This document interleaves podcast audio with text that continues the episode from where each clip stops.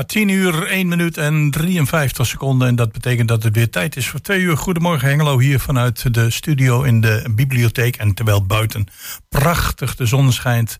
Een beetje het begin van een uh, kille, koude herfst. En een prachtige nazomer. Uh, gaan we weer uh, praten met een aantal interessante gasten. Naast mij zit Jan-Dirk Beltman. Achter de knoppen zit Gerben Hilberink en mijn naam is Jos Klasinski.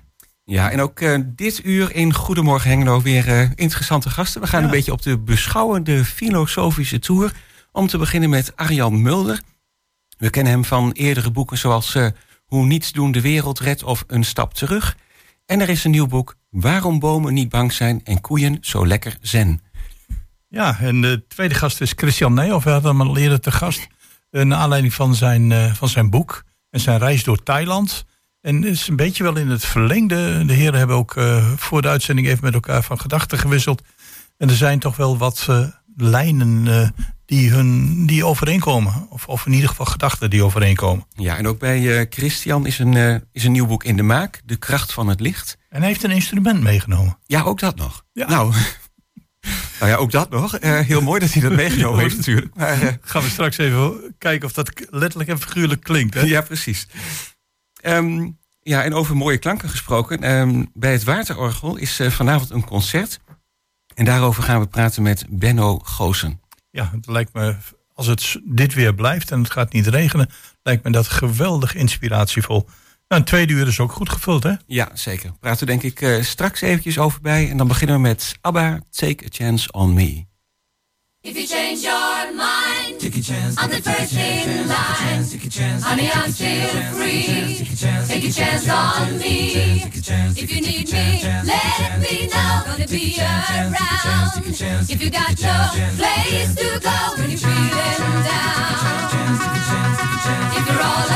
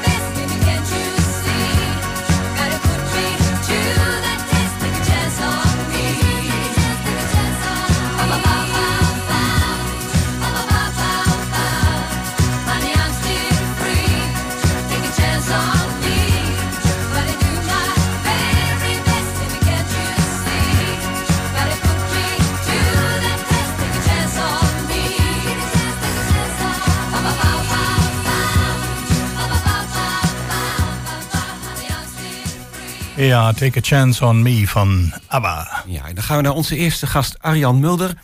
En het uh, boek dat recent verschenen is... Waarom bomen niet bang zijn en koeien zo lekker zen. En ik zeg boek, maar het is vrij dun en kernachtig. To the point. Uh, waarom bomen niet bang zijn... Uh, ja, ik vroeg mij net af, zit je dan onder een boom, kijk je omhoog en denk je, hoe zou het met die bomen zijn? wat staat hij daar? wat denkt hij? Uh, hoe ben je zo bij dit thema gekomen? Uh, ja, ik ga het uitleggen. Uh, eerst bedankt voor de uitnodiging. altijd leuk om hier te zijn. Ehm, ik, um, ik heb al meer boeken geschreven. en die gaan allemaal eigenlijk in de richting van, ehm, laten we zeggen, de, het relativeren van ons westerse denken. En dat is op gang gekomen met name toen ik wat meer in de Oosterse wereld kwam en daar ja, zag hoe de, de, de insteek zeg maar, om naar de wereld te kijken toch wel even totaal anders is. Uh, veel meer rust, uh, veel meer acceptatie, laat ik het even zo samenvatten. En niet één grote rush uh, hè, voor meer, meer, meer bezit, status, macht, bla bla bla. Waar we in het Westen nogal mee bezig zijn. Um, en dan, um, nou ja, dan leg je die twee werelden naast elkaar. Je probeert daar grip op te krijgen. Je probeert te snappen waarom wij zo zijn. En uh, je ziet de gevolgen ervan. Um, uh, of dat nou milieu is, of uh, de, de, de, de, jongeren die meer en meer al een burn-out krijgen enzovoort. Um, en um, eigenlijk was het zo, om die boeken uit te leggen, gebruik ik nog wel eens wat metaforen. En ook zelf, ik kom veel buiten. Ik wandel graag buiten. Dus dan roep ik om de havenklap, was ik maar een boom of lag ik maar te herkauwen in de wei. Dan had ik niet al dat gepieker in mijn hoofd, niet al die stress. Waarom zijn wij mensen zo? Weet je, er zijn natuurlijk heel veel levende wezens die wel in staat zijn om het leven te leven zoals, uh, uh, zoals het zich voordoet. Um, behalve de mens. Ja, die wij piekeren ons helemaal suf en we piekeren ons feitelijk steeds verder het moeras in. En zo is, kwam het eigenlijk. Um, en um, ja, ik ben veel buiten. Ja, ja, Wat, wat mij opvalt als je kijkt naar, eh, naar, ook naar je andere boeken, dan uh, inderdaad de, de oorsprong, de gedachten komen heel vaak uit Thailand, heeft te maken met boeddhisme. Voor een heleboel mensen is dat ver weg. Want die zeggen, oké, okay, Boeddha is letterlijk en figuurlijk uh, duizenden kilometers richting uh, het oosten.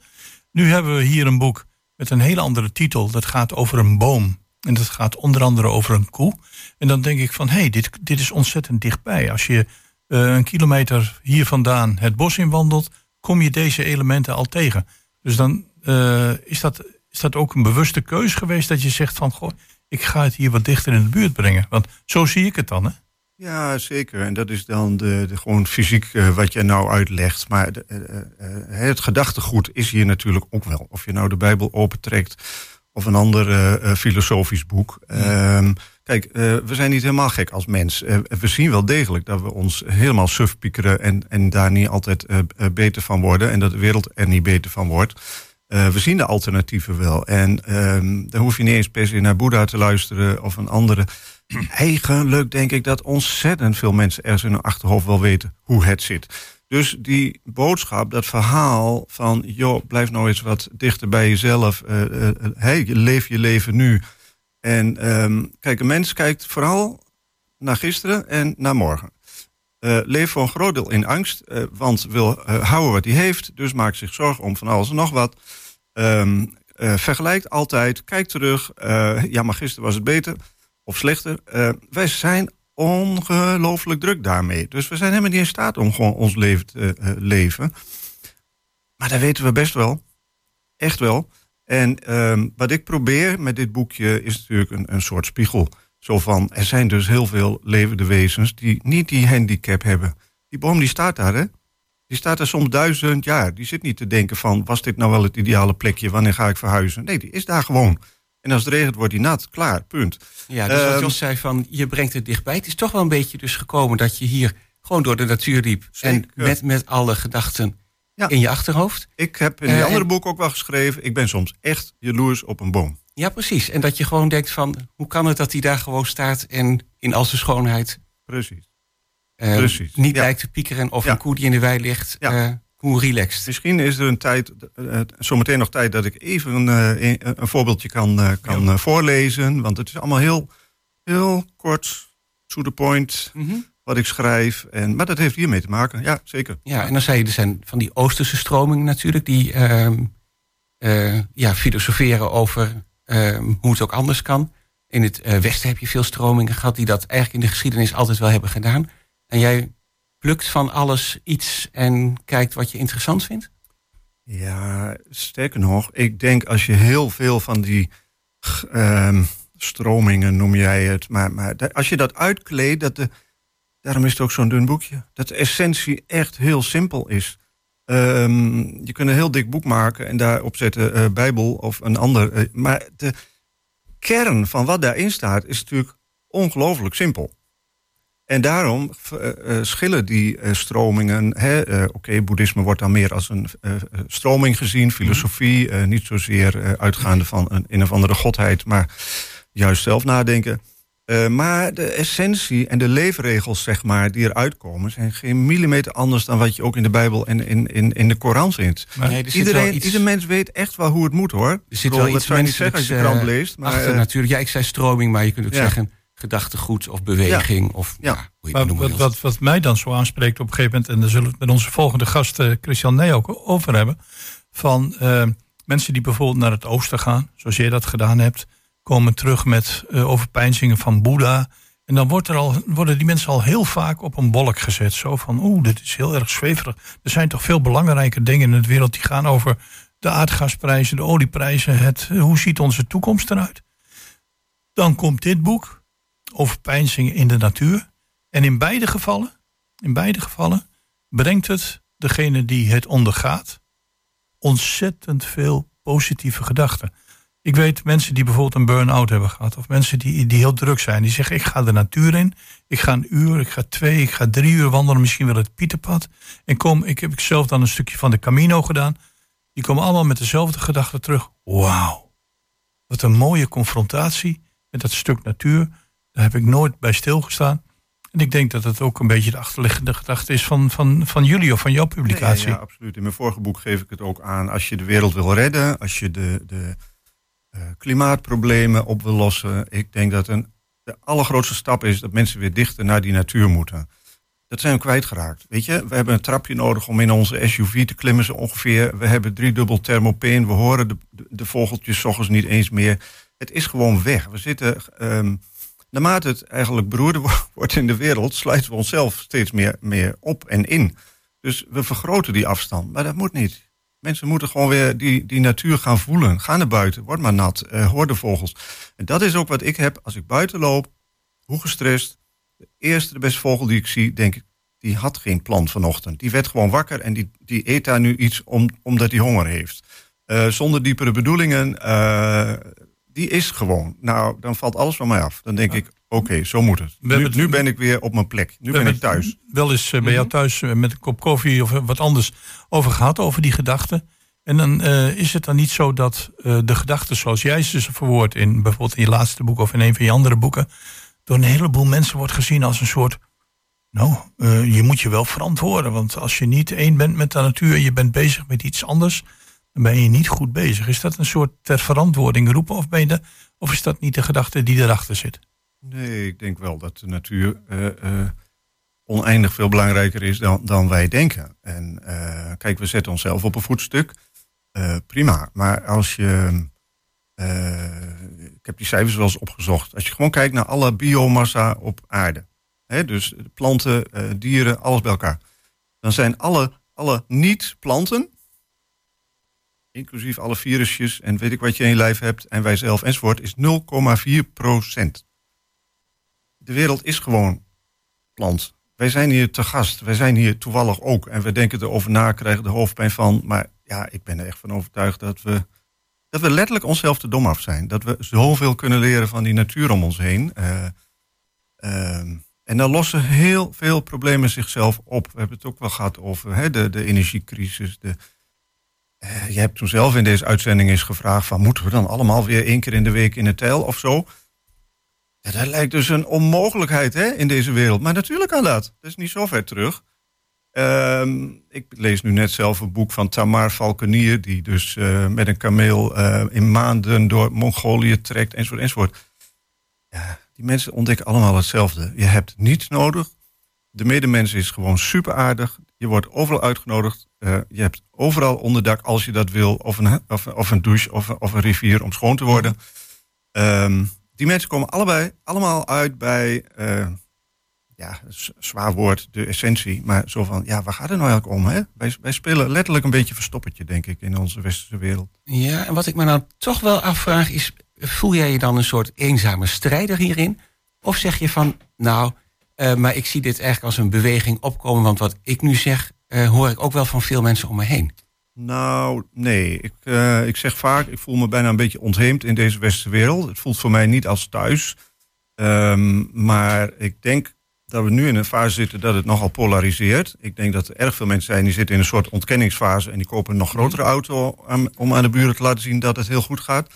Um, en aan de andere kant heb je natuurlijk uh, de A12 die uh, geblokkeerd wordt. En, dus ik, ik denk dat het, en in Duitsland een groep jongeren die zich de last, laatste generation noemt. Nou, dat zegt nogal wat, hè, als jij dat zo ziet. Dus ik denk dat het nu een beetje ja, enerzijds polariseert. Dus dat er heel veel mensen wakker worden. En aan de andere kant heel veel mensen de kop nog verder in het zand steken. Um, en hoe dat afloopt, ja, dat weet ik niet. Ik heb, nee, okay. Persoonlijk heb ik niet hele... Nee, ik niet dat we hele hoog oog gooien als mensheid. Nee, okay, ik denk dat we de dino's achterna gaan. iets meer de eenzame strijder dan dat je zegt... ik zie dit als een beweging opkomen. Nee, ik, ik zie me dan uh, inderdaad wel... Een, ik, ja, ik ben, sta wel een beetje alleen voor mijn gevoel. Uh, en, maar dan ga ik het bos weer in en dan zie ik een vogeltje en dan is het weer helemaal goed. En je schrijft af en toe een boek en dan uh, draag je het toch ook uit? Ja, precies. En, en, en begeef ik me even op een, op een, ik wil niet zeggen op een hellend vlak, maar even op een zijvlak. Het feit dat je in een korte tijd twee keer opa bent geworden, speelt dat een rol? Ik, ik heb een hele mooie overpeinzing van jou gelezen over dat feit, de natuur, het nadenken over de toekomstige generaties. Is dat iets wat, wat uh, misschien niet in dit boek, maar wat, wat, wel, wat wel speelt? Absoluut, natuurlijk. Het brengt dan uh, uh, zeg maar de toekomst letterlijk heel dichtbij. Je hebt de toekomst dan daar in de wieg liggen. Hè? Ehm, en natuurlijk sta je daar dan heel erg bij stil en realiseer je van... oeps, het gaat allemaal wel heel hard. Hè? Ofwel de verkeerde kant op of de goede kant. Um, en misschien denkt elke uh, generatie wel zo, maar uh, nee, het kwam bij mij dan uh, toen nog wel veel dichterbij natuurlijk. En dan, bruggetje naar dit boek, komt natuurlijk ook het moment dat je denkt van, ik kan die wereld niet veranderen. Ik, ik, hoe vind ik nou rust in mijn eigen hoofd in deze wereld met chaos? Dat, dat is natuurlijk super ingewikkeld. En ook daarvan zegt dan uh, de boeddhist, uh, nou weet je wat, je gaat op een kussen zitten mediteren. Nou, dat werkt bij mij niet. Bij mij werkt het uh, wel als ik het bos inwandel. Noem het dan maar loopmeditatie of zo. Maar nee, je, je, je, moet een weg vinden voor jezelf natuurlijk. Je wilt niet maar tegen die muren aan blijven lopen. je doet je best. je probeert mensen te beïnvloeden of inzicht te geven. Maar uiteindelijk moet je natuurlijk zelf ja, met jezelf door één deur. En, en zorgen dat het in je eigen hoofd een beetje, een beetje kalmeert. Want dat Oosterse gedachtegoed is hartstikke mooi. Maar ja, het is natuurlijk geen tovenarij. Hè? Het is niet van ik lees het even en uh, jeetje, de rust komt over mij. Het is ook een stukje persoonlijkheid natuurlijk. Uh, voel je ja. de strijder of uh, was je altijd al rustig in je hoofd? Er zijn genoeg mensen die zich inschrijven voor een cursus van, van vijf zittingen. En dan verandert de wereld plotseling. Ik denk dat dus, dat niet altijd even goed Maar goed, de marketing doet ook zijn werk. Ja. Nee, maar dat is het wel. Nu, nu, nu neem, boek je zo'n cursus, weet je. Of je, je, je, je, je, je scheurt naar je werk snel op de fiets nog even naar een, eh, een lesje zen van een uur. Want ja, ik moet wel even rustig worden. Ja, dat is natuurlijk niet wat ik bedoel, hè. Uh, ik, wat je zou moeten is dat het, dat het echt iets van jezelf wordt. En uh, daarmee hoef je niet ongeïnteresseerd te worden in de wereld. En je kunt nog steeds natuurlijk de wereld willen veranderen of verbeteren. Maar... Um, ja, ik vind het heel moeilijk om die balans te vinden. Ik, het gaat bij mij eerder op de lopen dat ik. Uh, ja, oké, maar dat komt misschien ook omdat je er toch wel veel over nadenkt. En ja, het ja, ja. moeilijk is om, om antwoorden te vinden, natuurlijk. We zijn wel heel benieuwd wat je nou in Waarom bomen niet bang zijn en koeien zo lekker zen hebt beschreven. Bijvoorbeeld, kun je een stukje voorlezen? Ja hoor, laten we beginnen met die bomen dan. Hè. Um, zijn allemaal hele korte, over, denkingen. Uh, dus um, even kijken, deze heet Bomen kennen geen tijd. Tijd bestaat niet. Tijd is een verzinsel, bedacht door mensen om te ordenen en te structureren.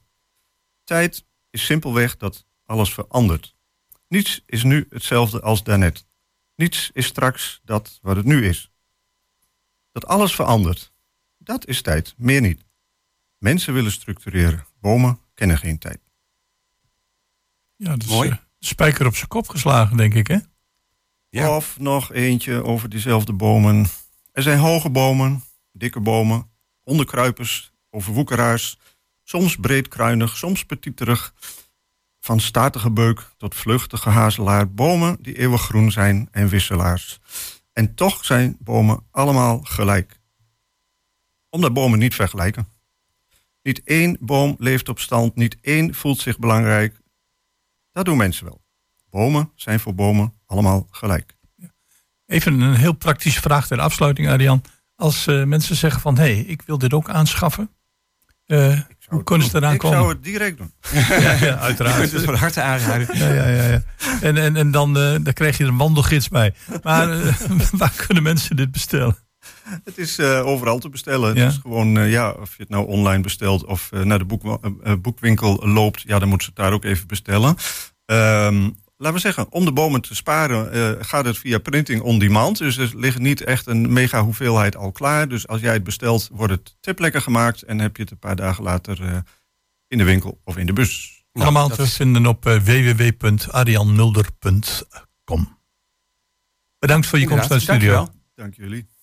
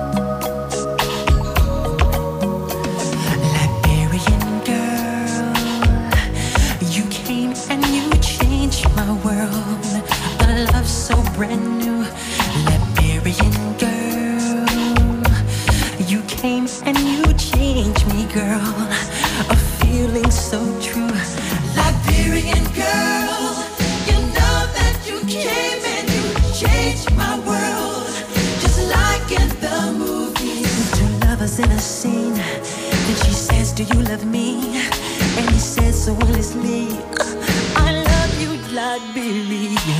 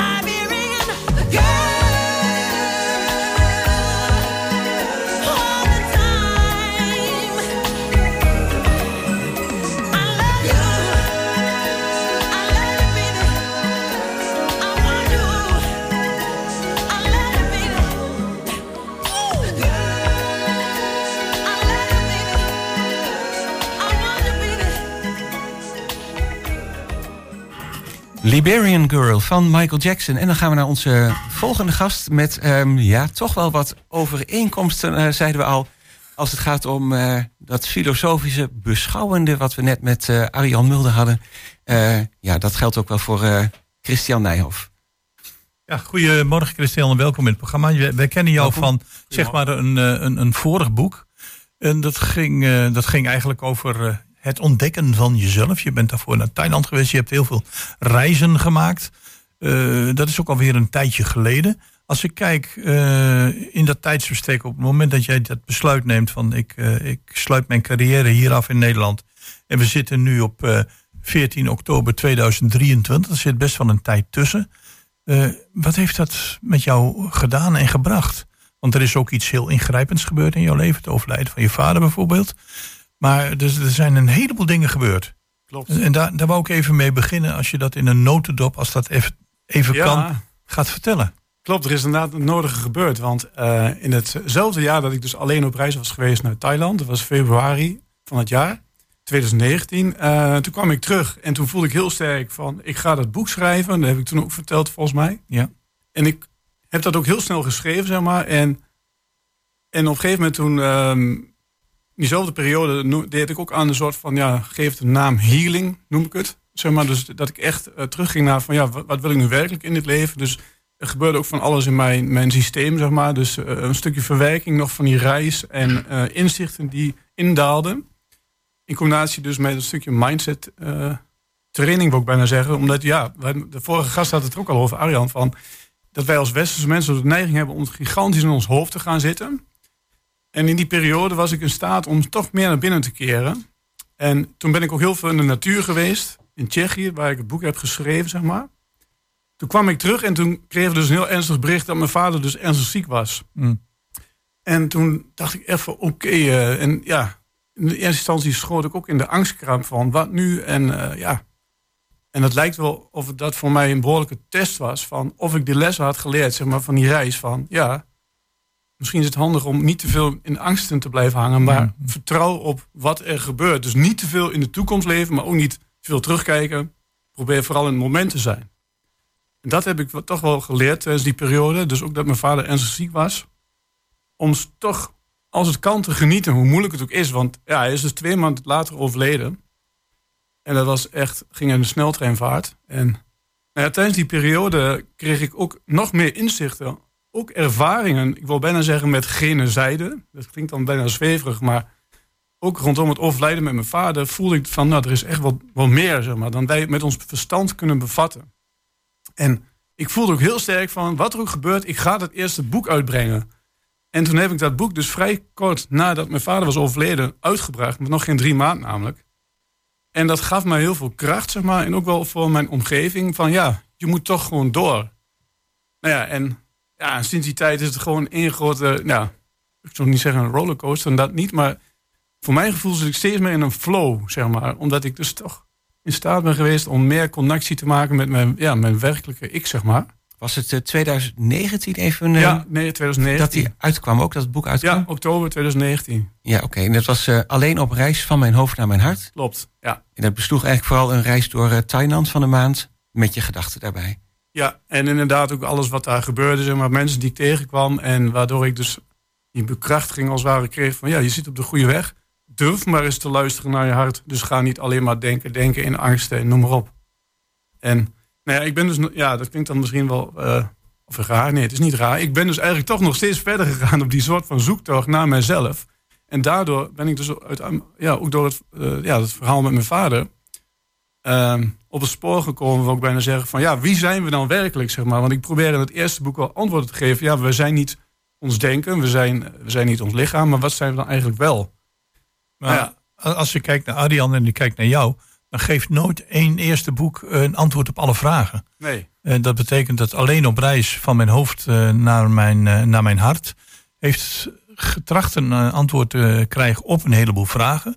En we zijn nu ja, bijna vier jaar verder. Ja. En ik denk dat er nog steeds elke dag vragen beantwoord wordt die je jezelf stelt. Klopt. Want het interessante om nog terug te komen ook op die periode, dat ik eigenlijk deels weer in mijn oude carrière weer ben terechtgekomen als consultant. Alleen dan vanuit mijn eigen adviesbureau. Want dat was destijds ook een soort van droom voor mij in die periode daarvoor. Ja, eigenlijk wil ik graag zelfstandig ondernemer zijn. En ik heb dat wel allemaal gedaan. En dat stroomt ook gewoon, zeg maar. Dus ik heb nu, ik kan beter mijn tijd indelen. En ik heb een betere balans, zeg maar, in mijn ja, enerzijds mijn denken en anderzijds mijn leven, zeg maar, van, goh, ik ga op reis en dan, dan ga ik dat bijvoorbeeld weer doen. Dus ik zorg veel beter voor mezelf. Ja. Je kunt dat beter je eigen tijd indelen, ja, ja, begrijp ik? En daardoor ben ik dus wel weer op reis gegaan om verdiepende antwoorden te krijgen. En zo ben ik bijvoorbeeld in Zuid-Frankrijk uh, geweest, in uh, Rennes-le-Château. Dat is een heel klein plaatsje. En nou ja, daar zit ook weer een heel verhaal aan vast. Maar dat blijkt dus dat, omdat ik dus aan het schrijven was van, aan boek 2, dat mijn vader daar heel graag naartoe had gewild. En daar gaat dus ook allerlei verhalen rond over, over dat plaatsje. Dat daar uh, bepaalde geheimen zouden zijn verstopt. Van de kerk bijvoorbeeld. Over wat de werkelijke betekenis zou zijn van het leven. Nou ja. Wauw. Ja, en eh, dus op een gegeven moment voelde ik dat ook. En ik had ook mijn moeder gezegd. Ik zeg, gewoon, weet je wel, die, die dat gezegd heeft. Ik zei, ja, misschien moeten we daar wel naartoe gaan. Dus, nou ja, zijn we daar dus heen geweest. Ik met mijn moeder. Mm. En dat was voor mij in ieder geval zeer speciaal om daar um, te zijn. En voor mijn gevoel heb ik daardoor ook een periode kunnen afsluiten. Wat achteraf ook toch ook gewoon rouw is geweest van dat mijn vader er niet meer is. Ja, dat zal zeker uh, zo'n ja. periode zijn geweest. Ja. En dat ik daardoor dus ook in staat ben geweest om dus verder te schrijven aan boek 2. Want ik heb gigantisch veel teksten. Uh, om een tweede boek uit te gaan brengen. Over de, ja, nog meer antwoorden te geven op ja, wie zijn we dan werkelijk? En hoe kan ik vertrouwen houden op ja, en, en, en Go dat, with the flow, ook bijna zeggen. Dat, dat, dat, dat, boek heb je ook al een titel gegeven, hè? Klopt, ik heb nu een concept werktitel en het heet De Kracht van het Licht. Maar over dat, uh, je zegt concept werktitel, dus misschien uh, dan is, is nog een variant mogelijk. Ja, want ik zit een beetje te twijfelen of, uh, of, nou ja, of in hoeverre het wel of niet voor mensen misschien te zweverig overkomt. En ik wil dat woord eigenlijk wel vermijden, maar um, ik heb zelf heel veel bevestiging gekregen dat in licht heel veel dubbele betekenissen zitten, zeg maar, ook voor ons als mens. Ja, precies. Ja, je, er zijn natuurlijk veel boektitels waar dat woord licht al in voorkomt. Maar ja. dat zegt ook wel iets over hoe belangrijk dat dan gevonden wordt. Ja. ja en de, de, de afbeelding op de voorkant is ook nog een bijzondere. Ja. Ja, klopt. De conceptafbeelding ja, zeg ik dan maar eventjes. Want ik, zag een concept, uh, schilderij van een kasteel. Klopt, dat is dus dat betreffende Tour de Magdala. Dat is dus een, uh, ja, vrij belangrijke uh, plek daar in Rennes Château, zeg maar. En uh, dat is een schilderij van mijn moeder. Dus ah, ja. ja wat, dat is heel mooi. Want je hebt het over de kracht van het licht. Kijk, wij staan elke dag op en kijken naar buiten. En dan soms is het bewolkt, soms sneeuwt het, zoals vandaag is de zon. En denk van dat is de normaalste zaak van de wereld. En eigenlijk, als ik de titel mag geloven, zit daar nog veel meer achter dan dat wij denken. Ja, Um, nou ja, de enerzijds is natuurlijk de kracht van de, van de zon. Maar um, ja, om te voorkomen dat het uh, ongrijpbaar wordt. Uh, als je ervan uitgaat dat alles energie is, dus ook uh, de lucht, zeg maar, deze tafel, wij als mens, maar ook het licht. Nou, het licht bestaat uit een aantal frequenties. En dat zijn verschillende spectra, zeg maar, banden. Nou ja, daar zit toch een bepaalde ja, energie in. En ik heb dus tijdens die periode met mijn vader dus een aantal keren signalen gekregen over dat uh, er connectie is met iets groters wat je niet kunt bevatten. Bijvoorbeeld mm. dat je op bepaalde momenten als je ergens loopt in één keer een regenboog ziet. Als ik aan mijn vader denk bijvoorbeeld. En dat is niet op momenten dat je het natuurkundig kunt verklaren. Dat is, dat is wel heel bijzonder dan. Want als ik denk aan licht en ik denk aan zon en ik, dat soort zaken, dan denk ik ook aan mensen die, die een aantal duizenden jaren geleden geleefd hebben. Die kijken naar boven. Die zegt dat iets iets magisch en die hebben dat automatisch gebombardeerd tot bijvoorbeeld hun god. Hun zonnegod. Of, of de donder of de bliksem. Dat betekent dat daar toch wel wat meer achter zit dan gewoon elke dag gaat de zon op en, uh, en gaat weer onder. Ja, en ja, als je het zo uh, bekijkt, zeker ja. En nou ja, ik ben er dan zelf inmiddels wel meer van overtuigd geraakt dat er misschien wel iets groters is, inderdaad, wat wij niet helemaal kunnen bevatten met ons verstand. En als jij in staat bent om meer het denken los te laten, heb ik in ieder geval ervaren dat dingen veel makkelijker lopen, zeg maar. Dus nog minder denken. En dat je misschien meer open staat voor uh, Uh, ja, waar sta je meer voor open? Nou, voor inzichten die je, die, die je niet helemaal kunt verklaren. Dus dat, in één oogopslag bijvoorbeeld weet je gewoon hoe het zit. Zeg maar. Ik noem het intuïtie, wordt het vaak genoemd. Nou ja, bijvoorbeeld. Dus je hoeft niet heel erg te denken. En dan weet je het eigenlijk al. Ja, en dan zie jij jezelf ook in een lange traditie. Wat Jos zei, nou, uh, in de, de steentijd, uh, oertijd werd al, uh, al godheden gezien in, in het licht bijvoorbeeld. ja, ik weet niet hoe je precies bedoelt die vraag, maar... Um, nou, de vorige gast die had het over verschillende stromingen waar hij dan uh, uh, ja, door geïnspireerd raakt. Heb jij dat ook? Ja, zeker. Er zijn ook het boeddhisme bijvoorbeeld, daar haal ik heel veel inspiratie uit. Maar vooral in het moment blijven bijvoorbeeld en niet zoveel in je denken gaan zitten. En uiteindelijk heeft elke stroming, heeft, ja, zoals Arjen ook al uh, aangaf, eigenlijk gelijksoortige overtuigingen. En het gaat erom dat je voor jou jouw eigen waarheid daaruit haalt. Waardoor jij een, ja, een beter leven kunt eh, hebben. Ja, en die eigen waarheid zal voor iedereen altijd wel een zoektocht blijven, uh, zou ik denken. Denk jij dat ook? Ja, nou ja, in die zin wel. Want iedereen heeft zijn eigen proces te gaan, zeg maar. In die zoektocht naar wie je werkelijk bent. En dan kom je laagjes tegen, zeg maar, in, je, in jouw uh, ja, persoonlijkheid, wil ik bijna zeggen. En die, ja, zoals ik het zie, moet je die eigenlijk weer van je afwikkelen, zeg maar. Dat noemen ze ook daarom ook niet voor niets ontwikkeling. Alles wat je dacht dat je bent, moet je eigenlijk weer van jezelf af zien te pellen. Waardoor jij steeds dichter in contact komt met wie je werkelijk bent. Ja, nou heb je aangegeven van uh, ik ben bezig met dat boek van de kracht van het licht. Alleen op reis, dat ging, dat ging snel. Dat boek, dat kwam er. En nu heb je zoiets van, poeh, ik heb wel heel veel op papier staan, maar ik heb nog geen boek. Uh, dat proces, uh, dat mag toch wel een bepaalde tijd duren? Of moet dat boek morgen uit? Ja, dat is een goede dat je het vraagt. Want ik dacht al, misschien is het nu wel dat ik extra druk krijg om het boek af te ronden. Want um, ja, er is zoveel gebeurd inderdaad in de laatste eh, afgelopen jaren, zeg maar. Ook in mijn proces, maar ook in de wereld. Uh, waardoor ik um, helemaal te veel informatie heb. Dat ik, ja, mijn hoofd kan het nog niet helemaal bevatten, zeg maar. Van, ja, zo moet het nu precies worden. Er moet ook een knip komen, want anders wordt het boek veel te dik. Want ik, ik, okay. ik, ik, heb niet zo'n compact boek, te, vrees ik. maar ik heb wel een, uh, ja, ik ben ook bezig om daar een soort destillaat uit te maken, zeg maar. Wat dus compacter is. En dat wil ik in een andere vorm uh, beschikbaar gaan maken. Zodat misschien mensen er iets mee kunnen, zeg maar, als zij ook vragen hebben in hun proces. Ja, precies. Nou, we gaan je nog niet aan een uh, datum, uh, naar een datum vragen. Ja. Maar wel naar iets anders. Bij de afkondiging van Michael Jackson hoorde je misschien op de achtergrond al een klankschaalachtig geluid. Want je hebt een ja. muziekinstrument meegenomen. Zou je die eens willen pakken of kun je daar iets over vertellen? Klopt, ik heb een handpan meegenomen. Die, die is in 2019 op mijn pad gekomen. ja, eerst in Thailand dan. En toen heb ik die aangeschaft in Tsjechië. En ja, het is gewoon een mooi geluid. Een, een handpan. Ja, als we, er zijn meerdere termen voor. Als, als we hem zouden mogen beschrijven. Je, je pakt dat ding dan uit. Het eerste wat mensen eh, in de gedachten komen. God, dit lijkt wel een barbecue. Als je het deksel ervan afhaalt. En dan kun je daar kolen in gooien. Maar het, het is toch wat. Het ziet er wel heel mooi uit. Het is uh, zwart. Ja. Uh, ik probeer het een beetje te omschrijven.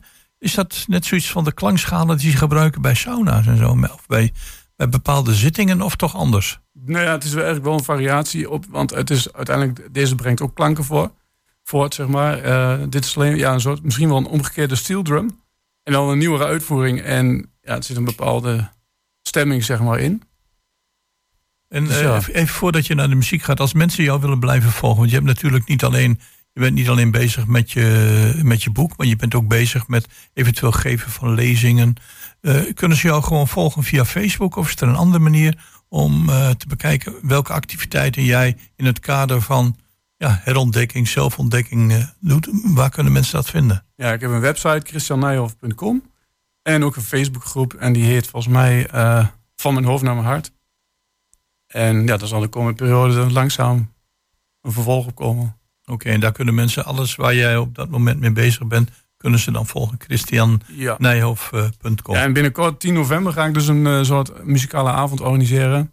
Waarbij uh, ja, je eigenlijk kunt ervaren hoe het is om vanuit je hoofd meer te luisteren naar je gevoel. En dat is hier in de regio? Ja, dat is in Enschede bij de Golden Tree. En dan, ja, dan maak ik muziek op die avond. Ik vertel een paar verhalen over ja, en mijn ervaringen van hoe het is om meer uit je hoofd te gaan. Oké. Dus, ja, dus ik... En meer naar je hart. En daar gebruik je ook dit instrument bij. Ja. Mogen een stukje horen? Ja, ik zal even Kijken of die overkomt. Ja, we horen hem.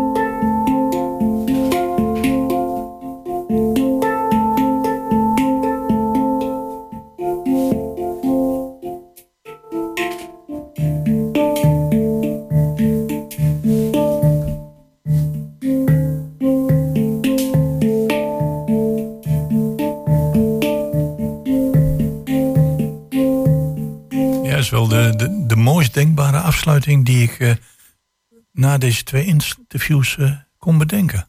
Met Arjan Mulder en Christian Nijhoff. Ik vind het een, wauw, een hele mooie afsluiting. Ja, zeker. Uh, prachtig gespeeld door Christian Nijhoff. Dankjewel voor je komst en ook heel graag tot de volgende keer. Wou je zelf nog iets... Ja, dankjewel ook voor de uitnodiging. En ik kom graag weer vertellen als ik verder ben met het boek. Ja, doe dat. Dan heel graag tot de volgende keer. Dankjewel. Okay, dankjewel.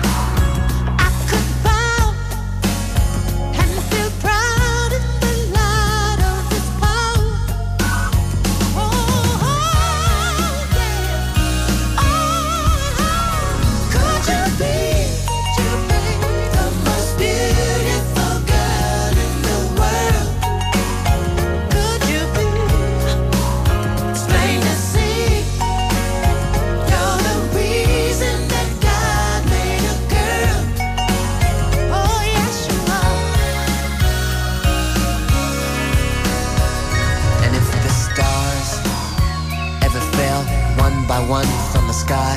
I know Mars could not be uh, too far behind. Cause baby, this kind of beauty. It's got no reason to ever be shy. Cause honey, this kind of beauty. The kind that comes from inside. Could you be? Could you be? The most beautiful girl in the world. So beautiful, beautiful. It's plain to see. Plain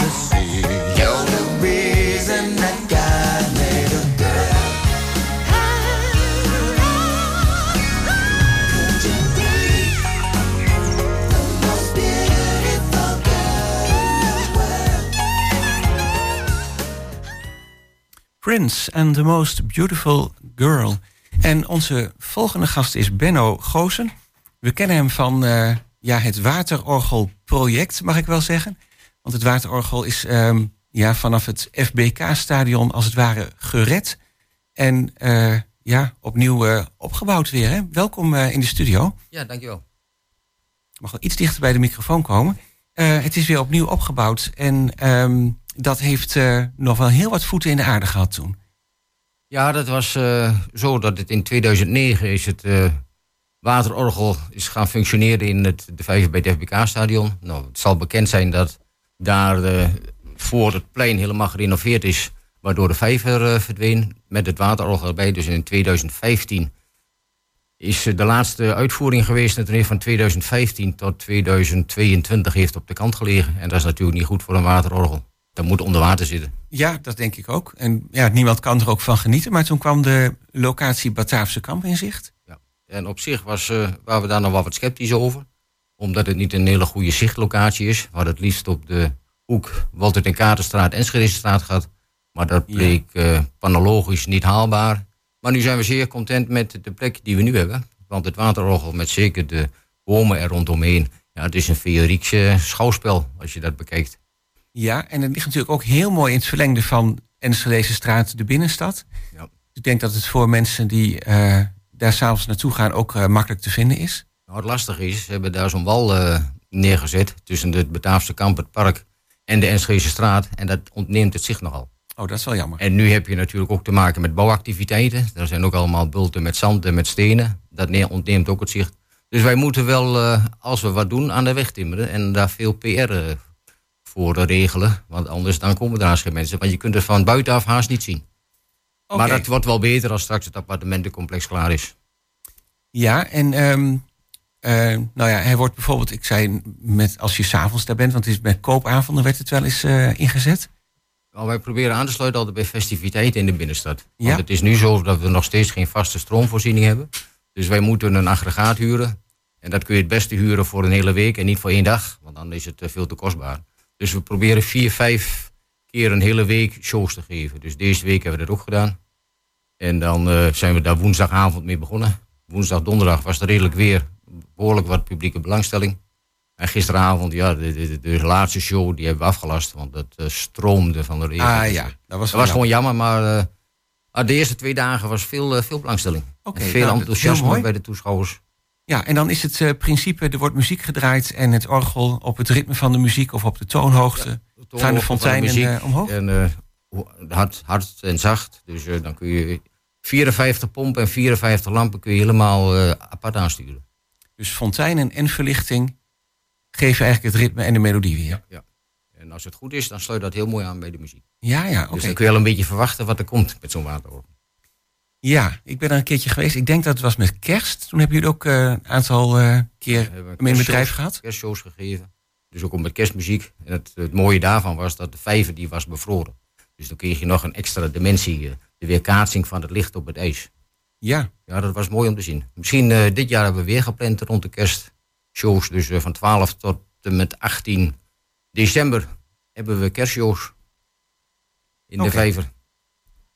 En dan volgend jaar, ja, dan hopen we dat het appartementencomplex rond maart, ook klaar is en dat we over een vaste stroomvoorziening kunnen beschikken. Dat betekent dat je ook overdag het als fontein kunt uh, gebruiken. Ah ja. En nu als er geen aggregaat is, kan het, fontein, kan het waterorgel ook niet functioneren. Nee, dan gebeurt er gewoon uh, helemaal niets. Dan gebeurt er niks. Um, deze week dus eigenlijk al een aanloopje met uh, muziek. Ik neem aan gewoon vanaf een cd-speler of digitaal. Maar vanavond... Nou, wordt allemaal uh, door uh, onze showmasters. Dat zijn uh, oud-studenten van het ROC. Die dus heel betrokken zijn bij het waterorgel. En Martijn Hummel, onze vaste showmasters. Die maken dat programma. En Ingo Freriksen die zorgt voor de muziek. Maar dan wordt het dus helemaal computer gestuurd. Dus het wordt opgeslagen op de computer. Oh ja. En van daaruit wordt het waterorgel dan bediend. En weten wel van tevoren hoe de show eruit ziet. Oh, Oké. Uh, en dat um, uh, bedienen, dat gaat ook digitaal? Ja, dat gaat vanuit uh, zo'n besturingsruimte. Nu nog vanuit de container, maar straks vanuit het appartementencomplex. En dat is ja, even wat knopjes indrukken. En het, het, gaat aan de gang. En dan doet hij het. Ja, ik, ik kan het zelf ook. Ik kan alleen geen programma maken. Maar ik kan wel een programma aanzetten. Ja, dat, ja, ja. dat is niet zo moeilijk. Dat kan, moeilijk. Dat kan iedereen. Oké, nou is het wel het hele bijzondere vanavond dat Eendracht Excelsior erbij betrokken is. Dus Onder andere? Ja, Eendracht Excelsior, het uh, orkest, harmonieorkest Vision van uh, Eendracht Excelsior. En ook de theatergroep Barst.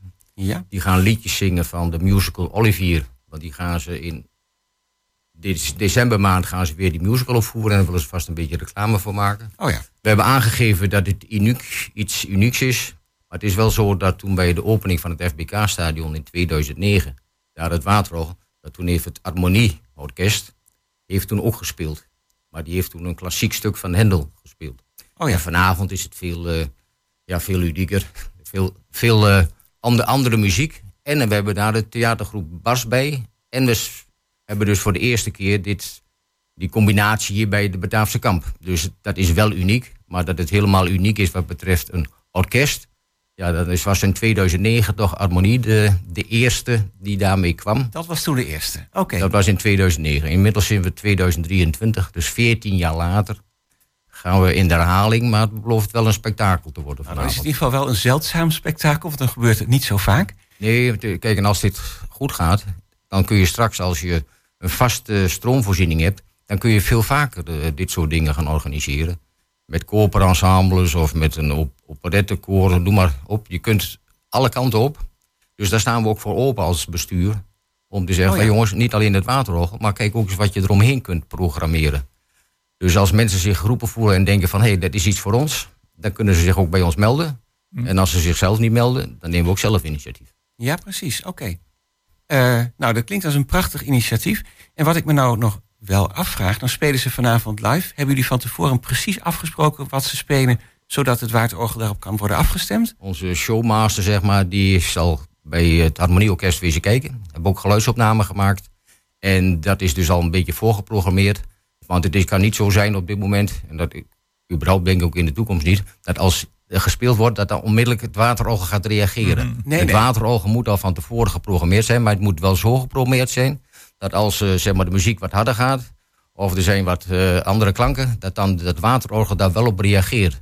Dus het is wel net of het op de muziek reageert, alleen we hebben het voorgeprogrammeerd. Ja. Maar de muziek speelt wel live. Dus het is wel live muziek met combinatie waterorgel. En dan tussendoor dan de Barst, die dan liedjes ten horen brengt. En we hebben nog een show van 20 minuten van het waterorgel. En dat is de show die we dus de laatste dagen hebben laten zien. Dus Oh, dat is een combinatie van waardoor we dus nu voor het eerst een programma hebben van 60 minuten. Normaal is het maar 20 minuten. Ja? En het begint om half negen. En we stoppen tegen half, of half acht begint het. Tot half negen.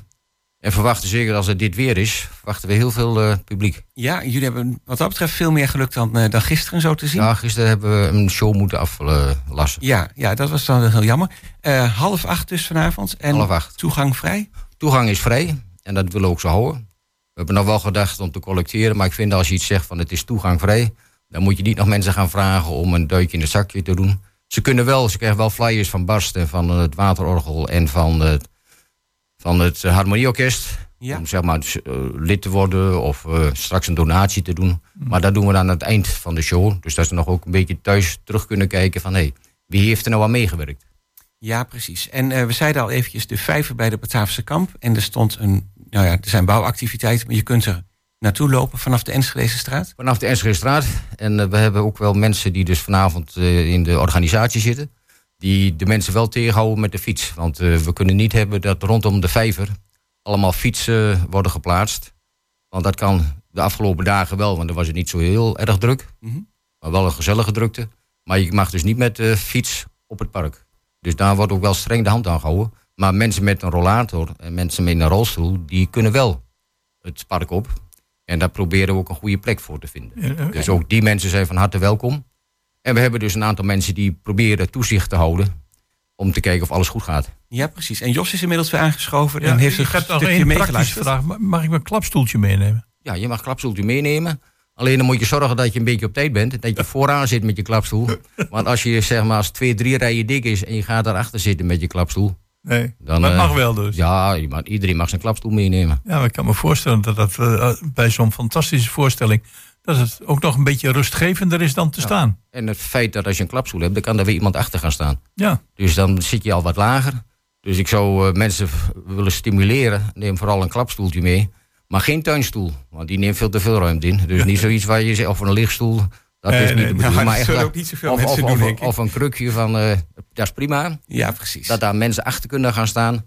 Want nogmaals, als het een beetje meezit met het weer ja, alleen het harmonieorkest heeft wel 40, 45 uh, muzici. Nou, die nemen familie mee. Nou, we hebben veel vrienden van het Waterorgel, die zijn allemaal aangeschreven.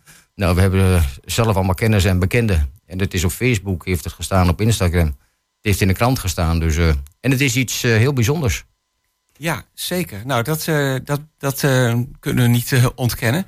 vanavond dus om half acht bij, het, bij de Bataafse kant, bij de Vijver... het Waterorgel in samenwerking met um, harmonieorkest Vision. En dat is van uh, Eendracht Excelsior. Uh, en de theatergroep Barst. Ja, dat is uh, correct. Nou, en we hopen er iets heel moois van te maken. Dat zal vast en zeker lukken. Heel veel plezier vanavond. Benno Goosen. Bedankt. En dan gaan we nu naar het nieuws van 11 uur. En daarna zijn we terug met de andere gasten. Dus jullie komen ook nog even kijken. Ja.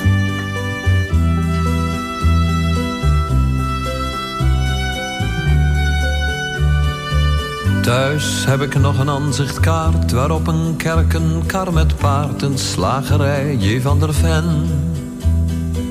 Een kroeg, een juffrouw op de fiets. Het zegt u hoogstwaarschijnlijk niets, maar het is waar ik geboren ben.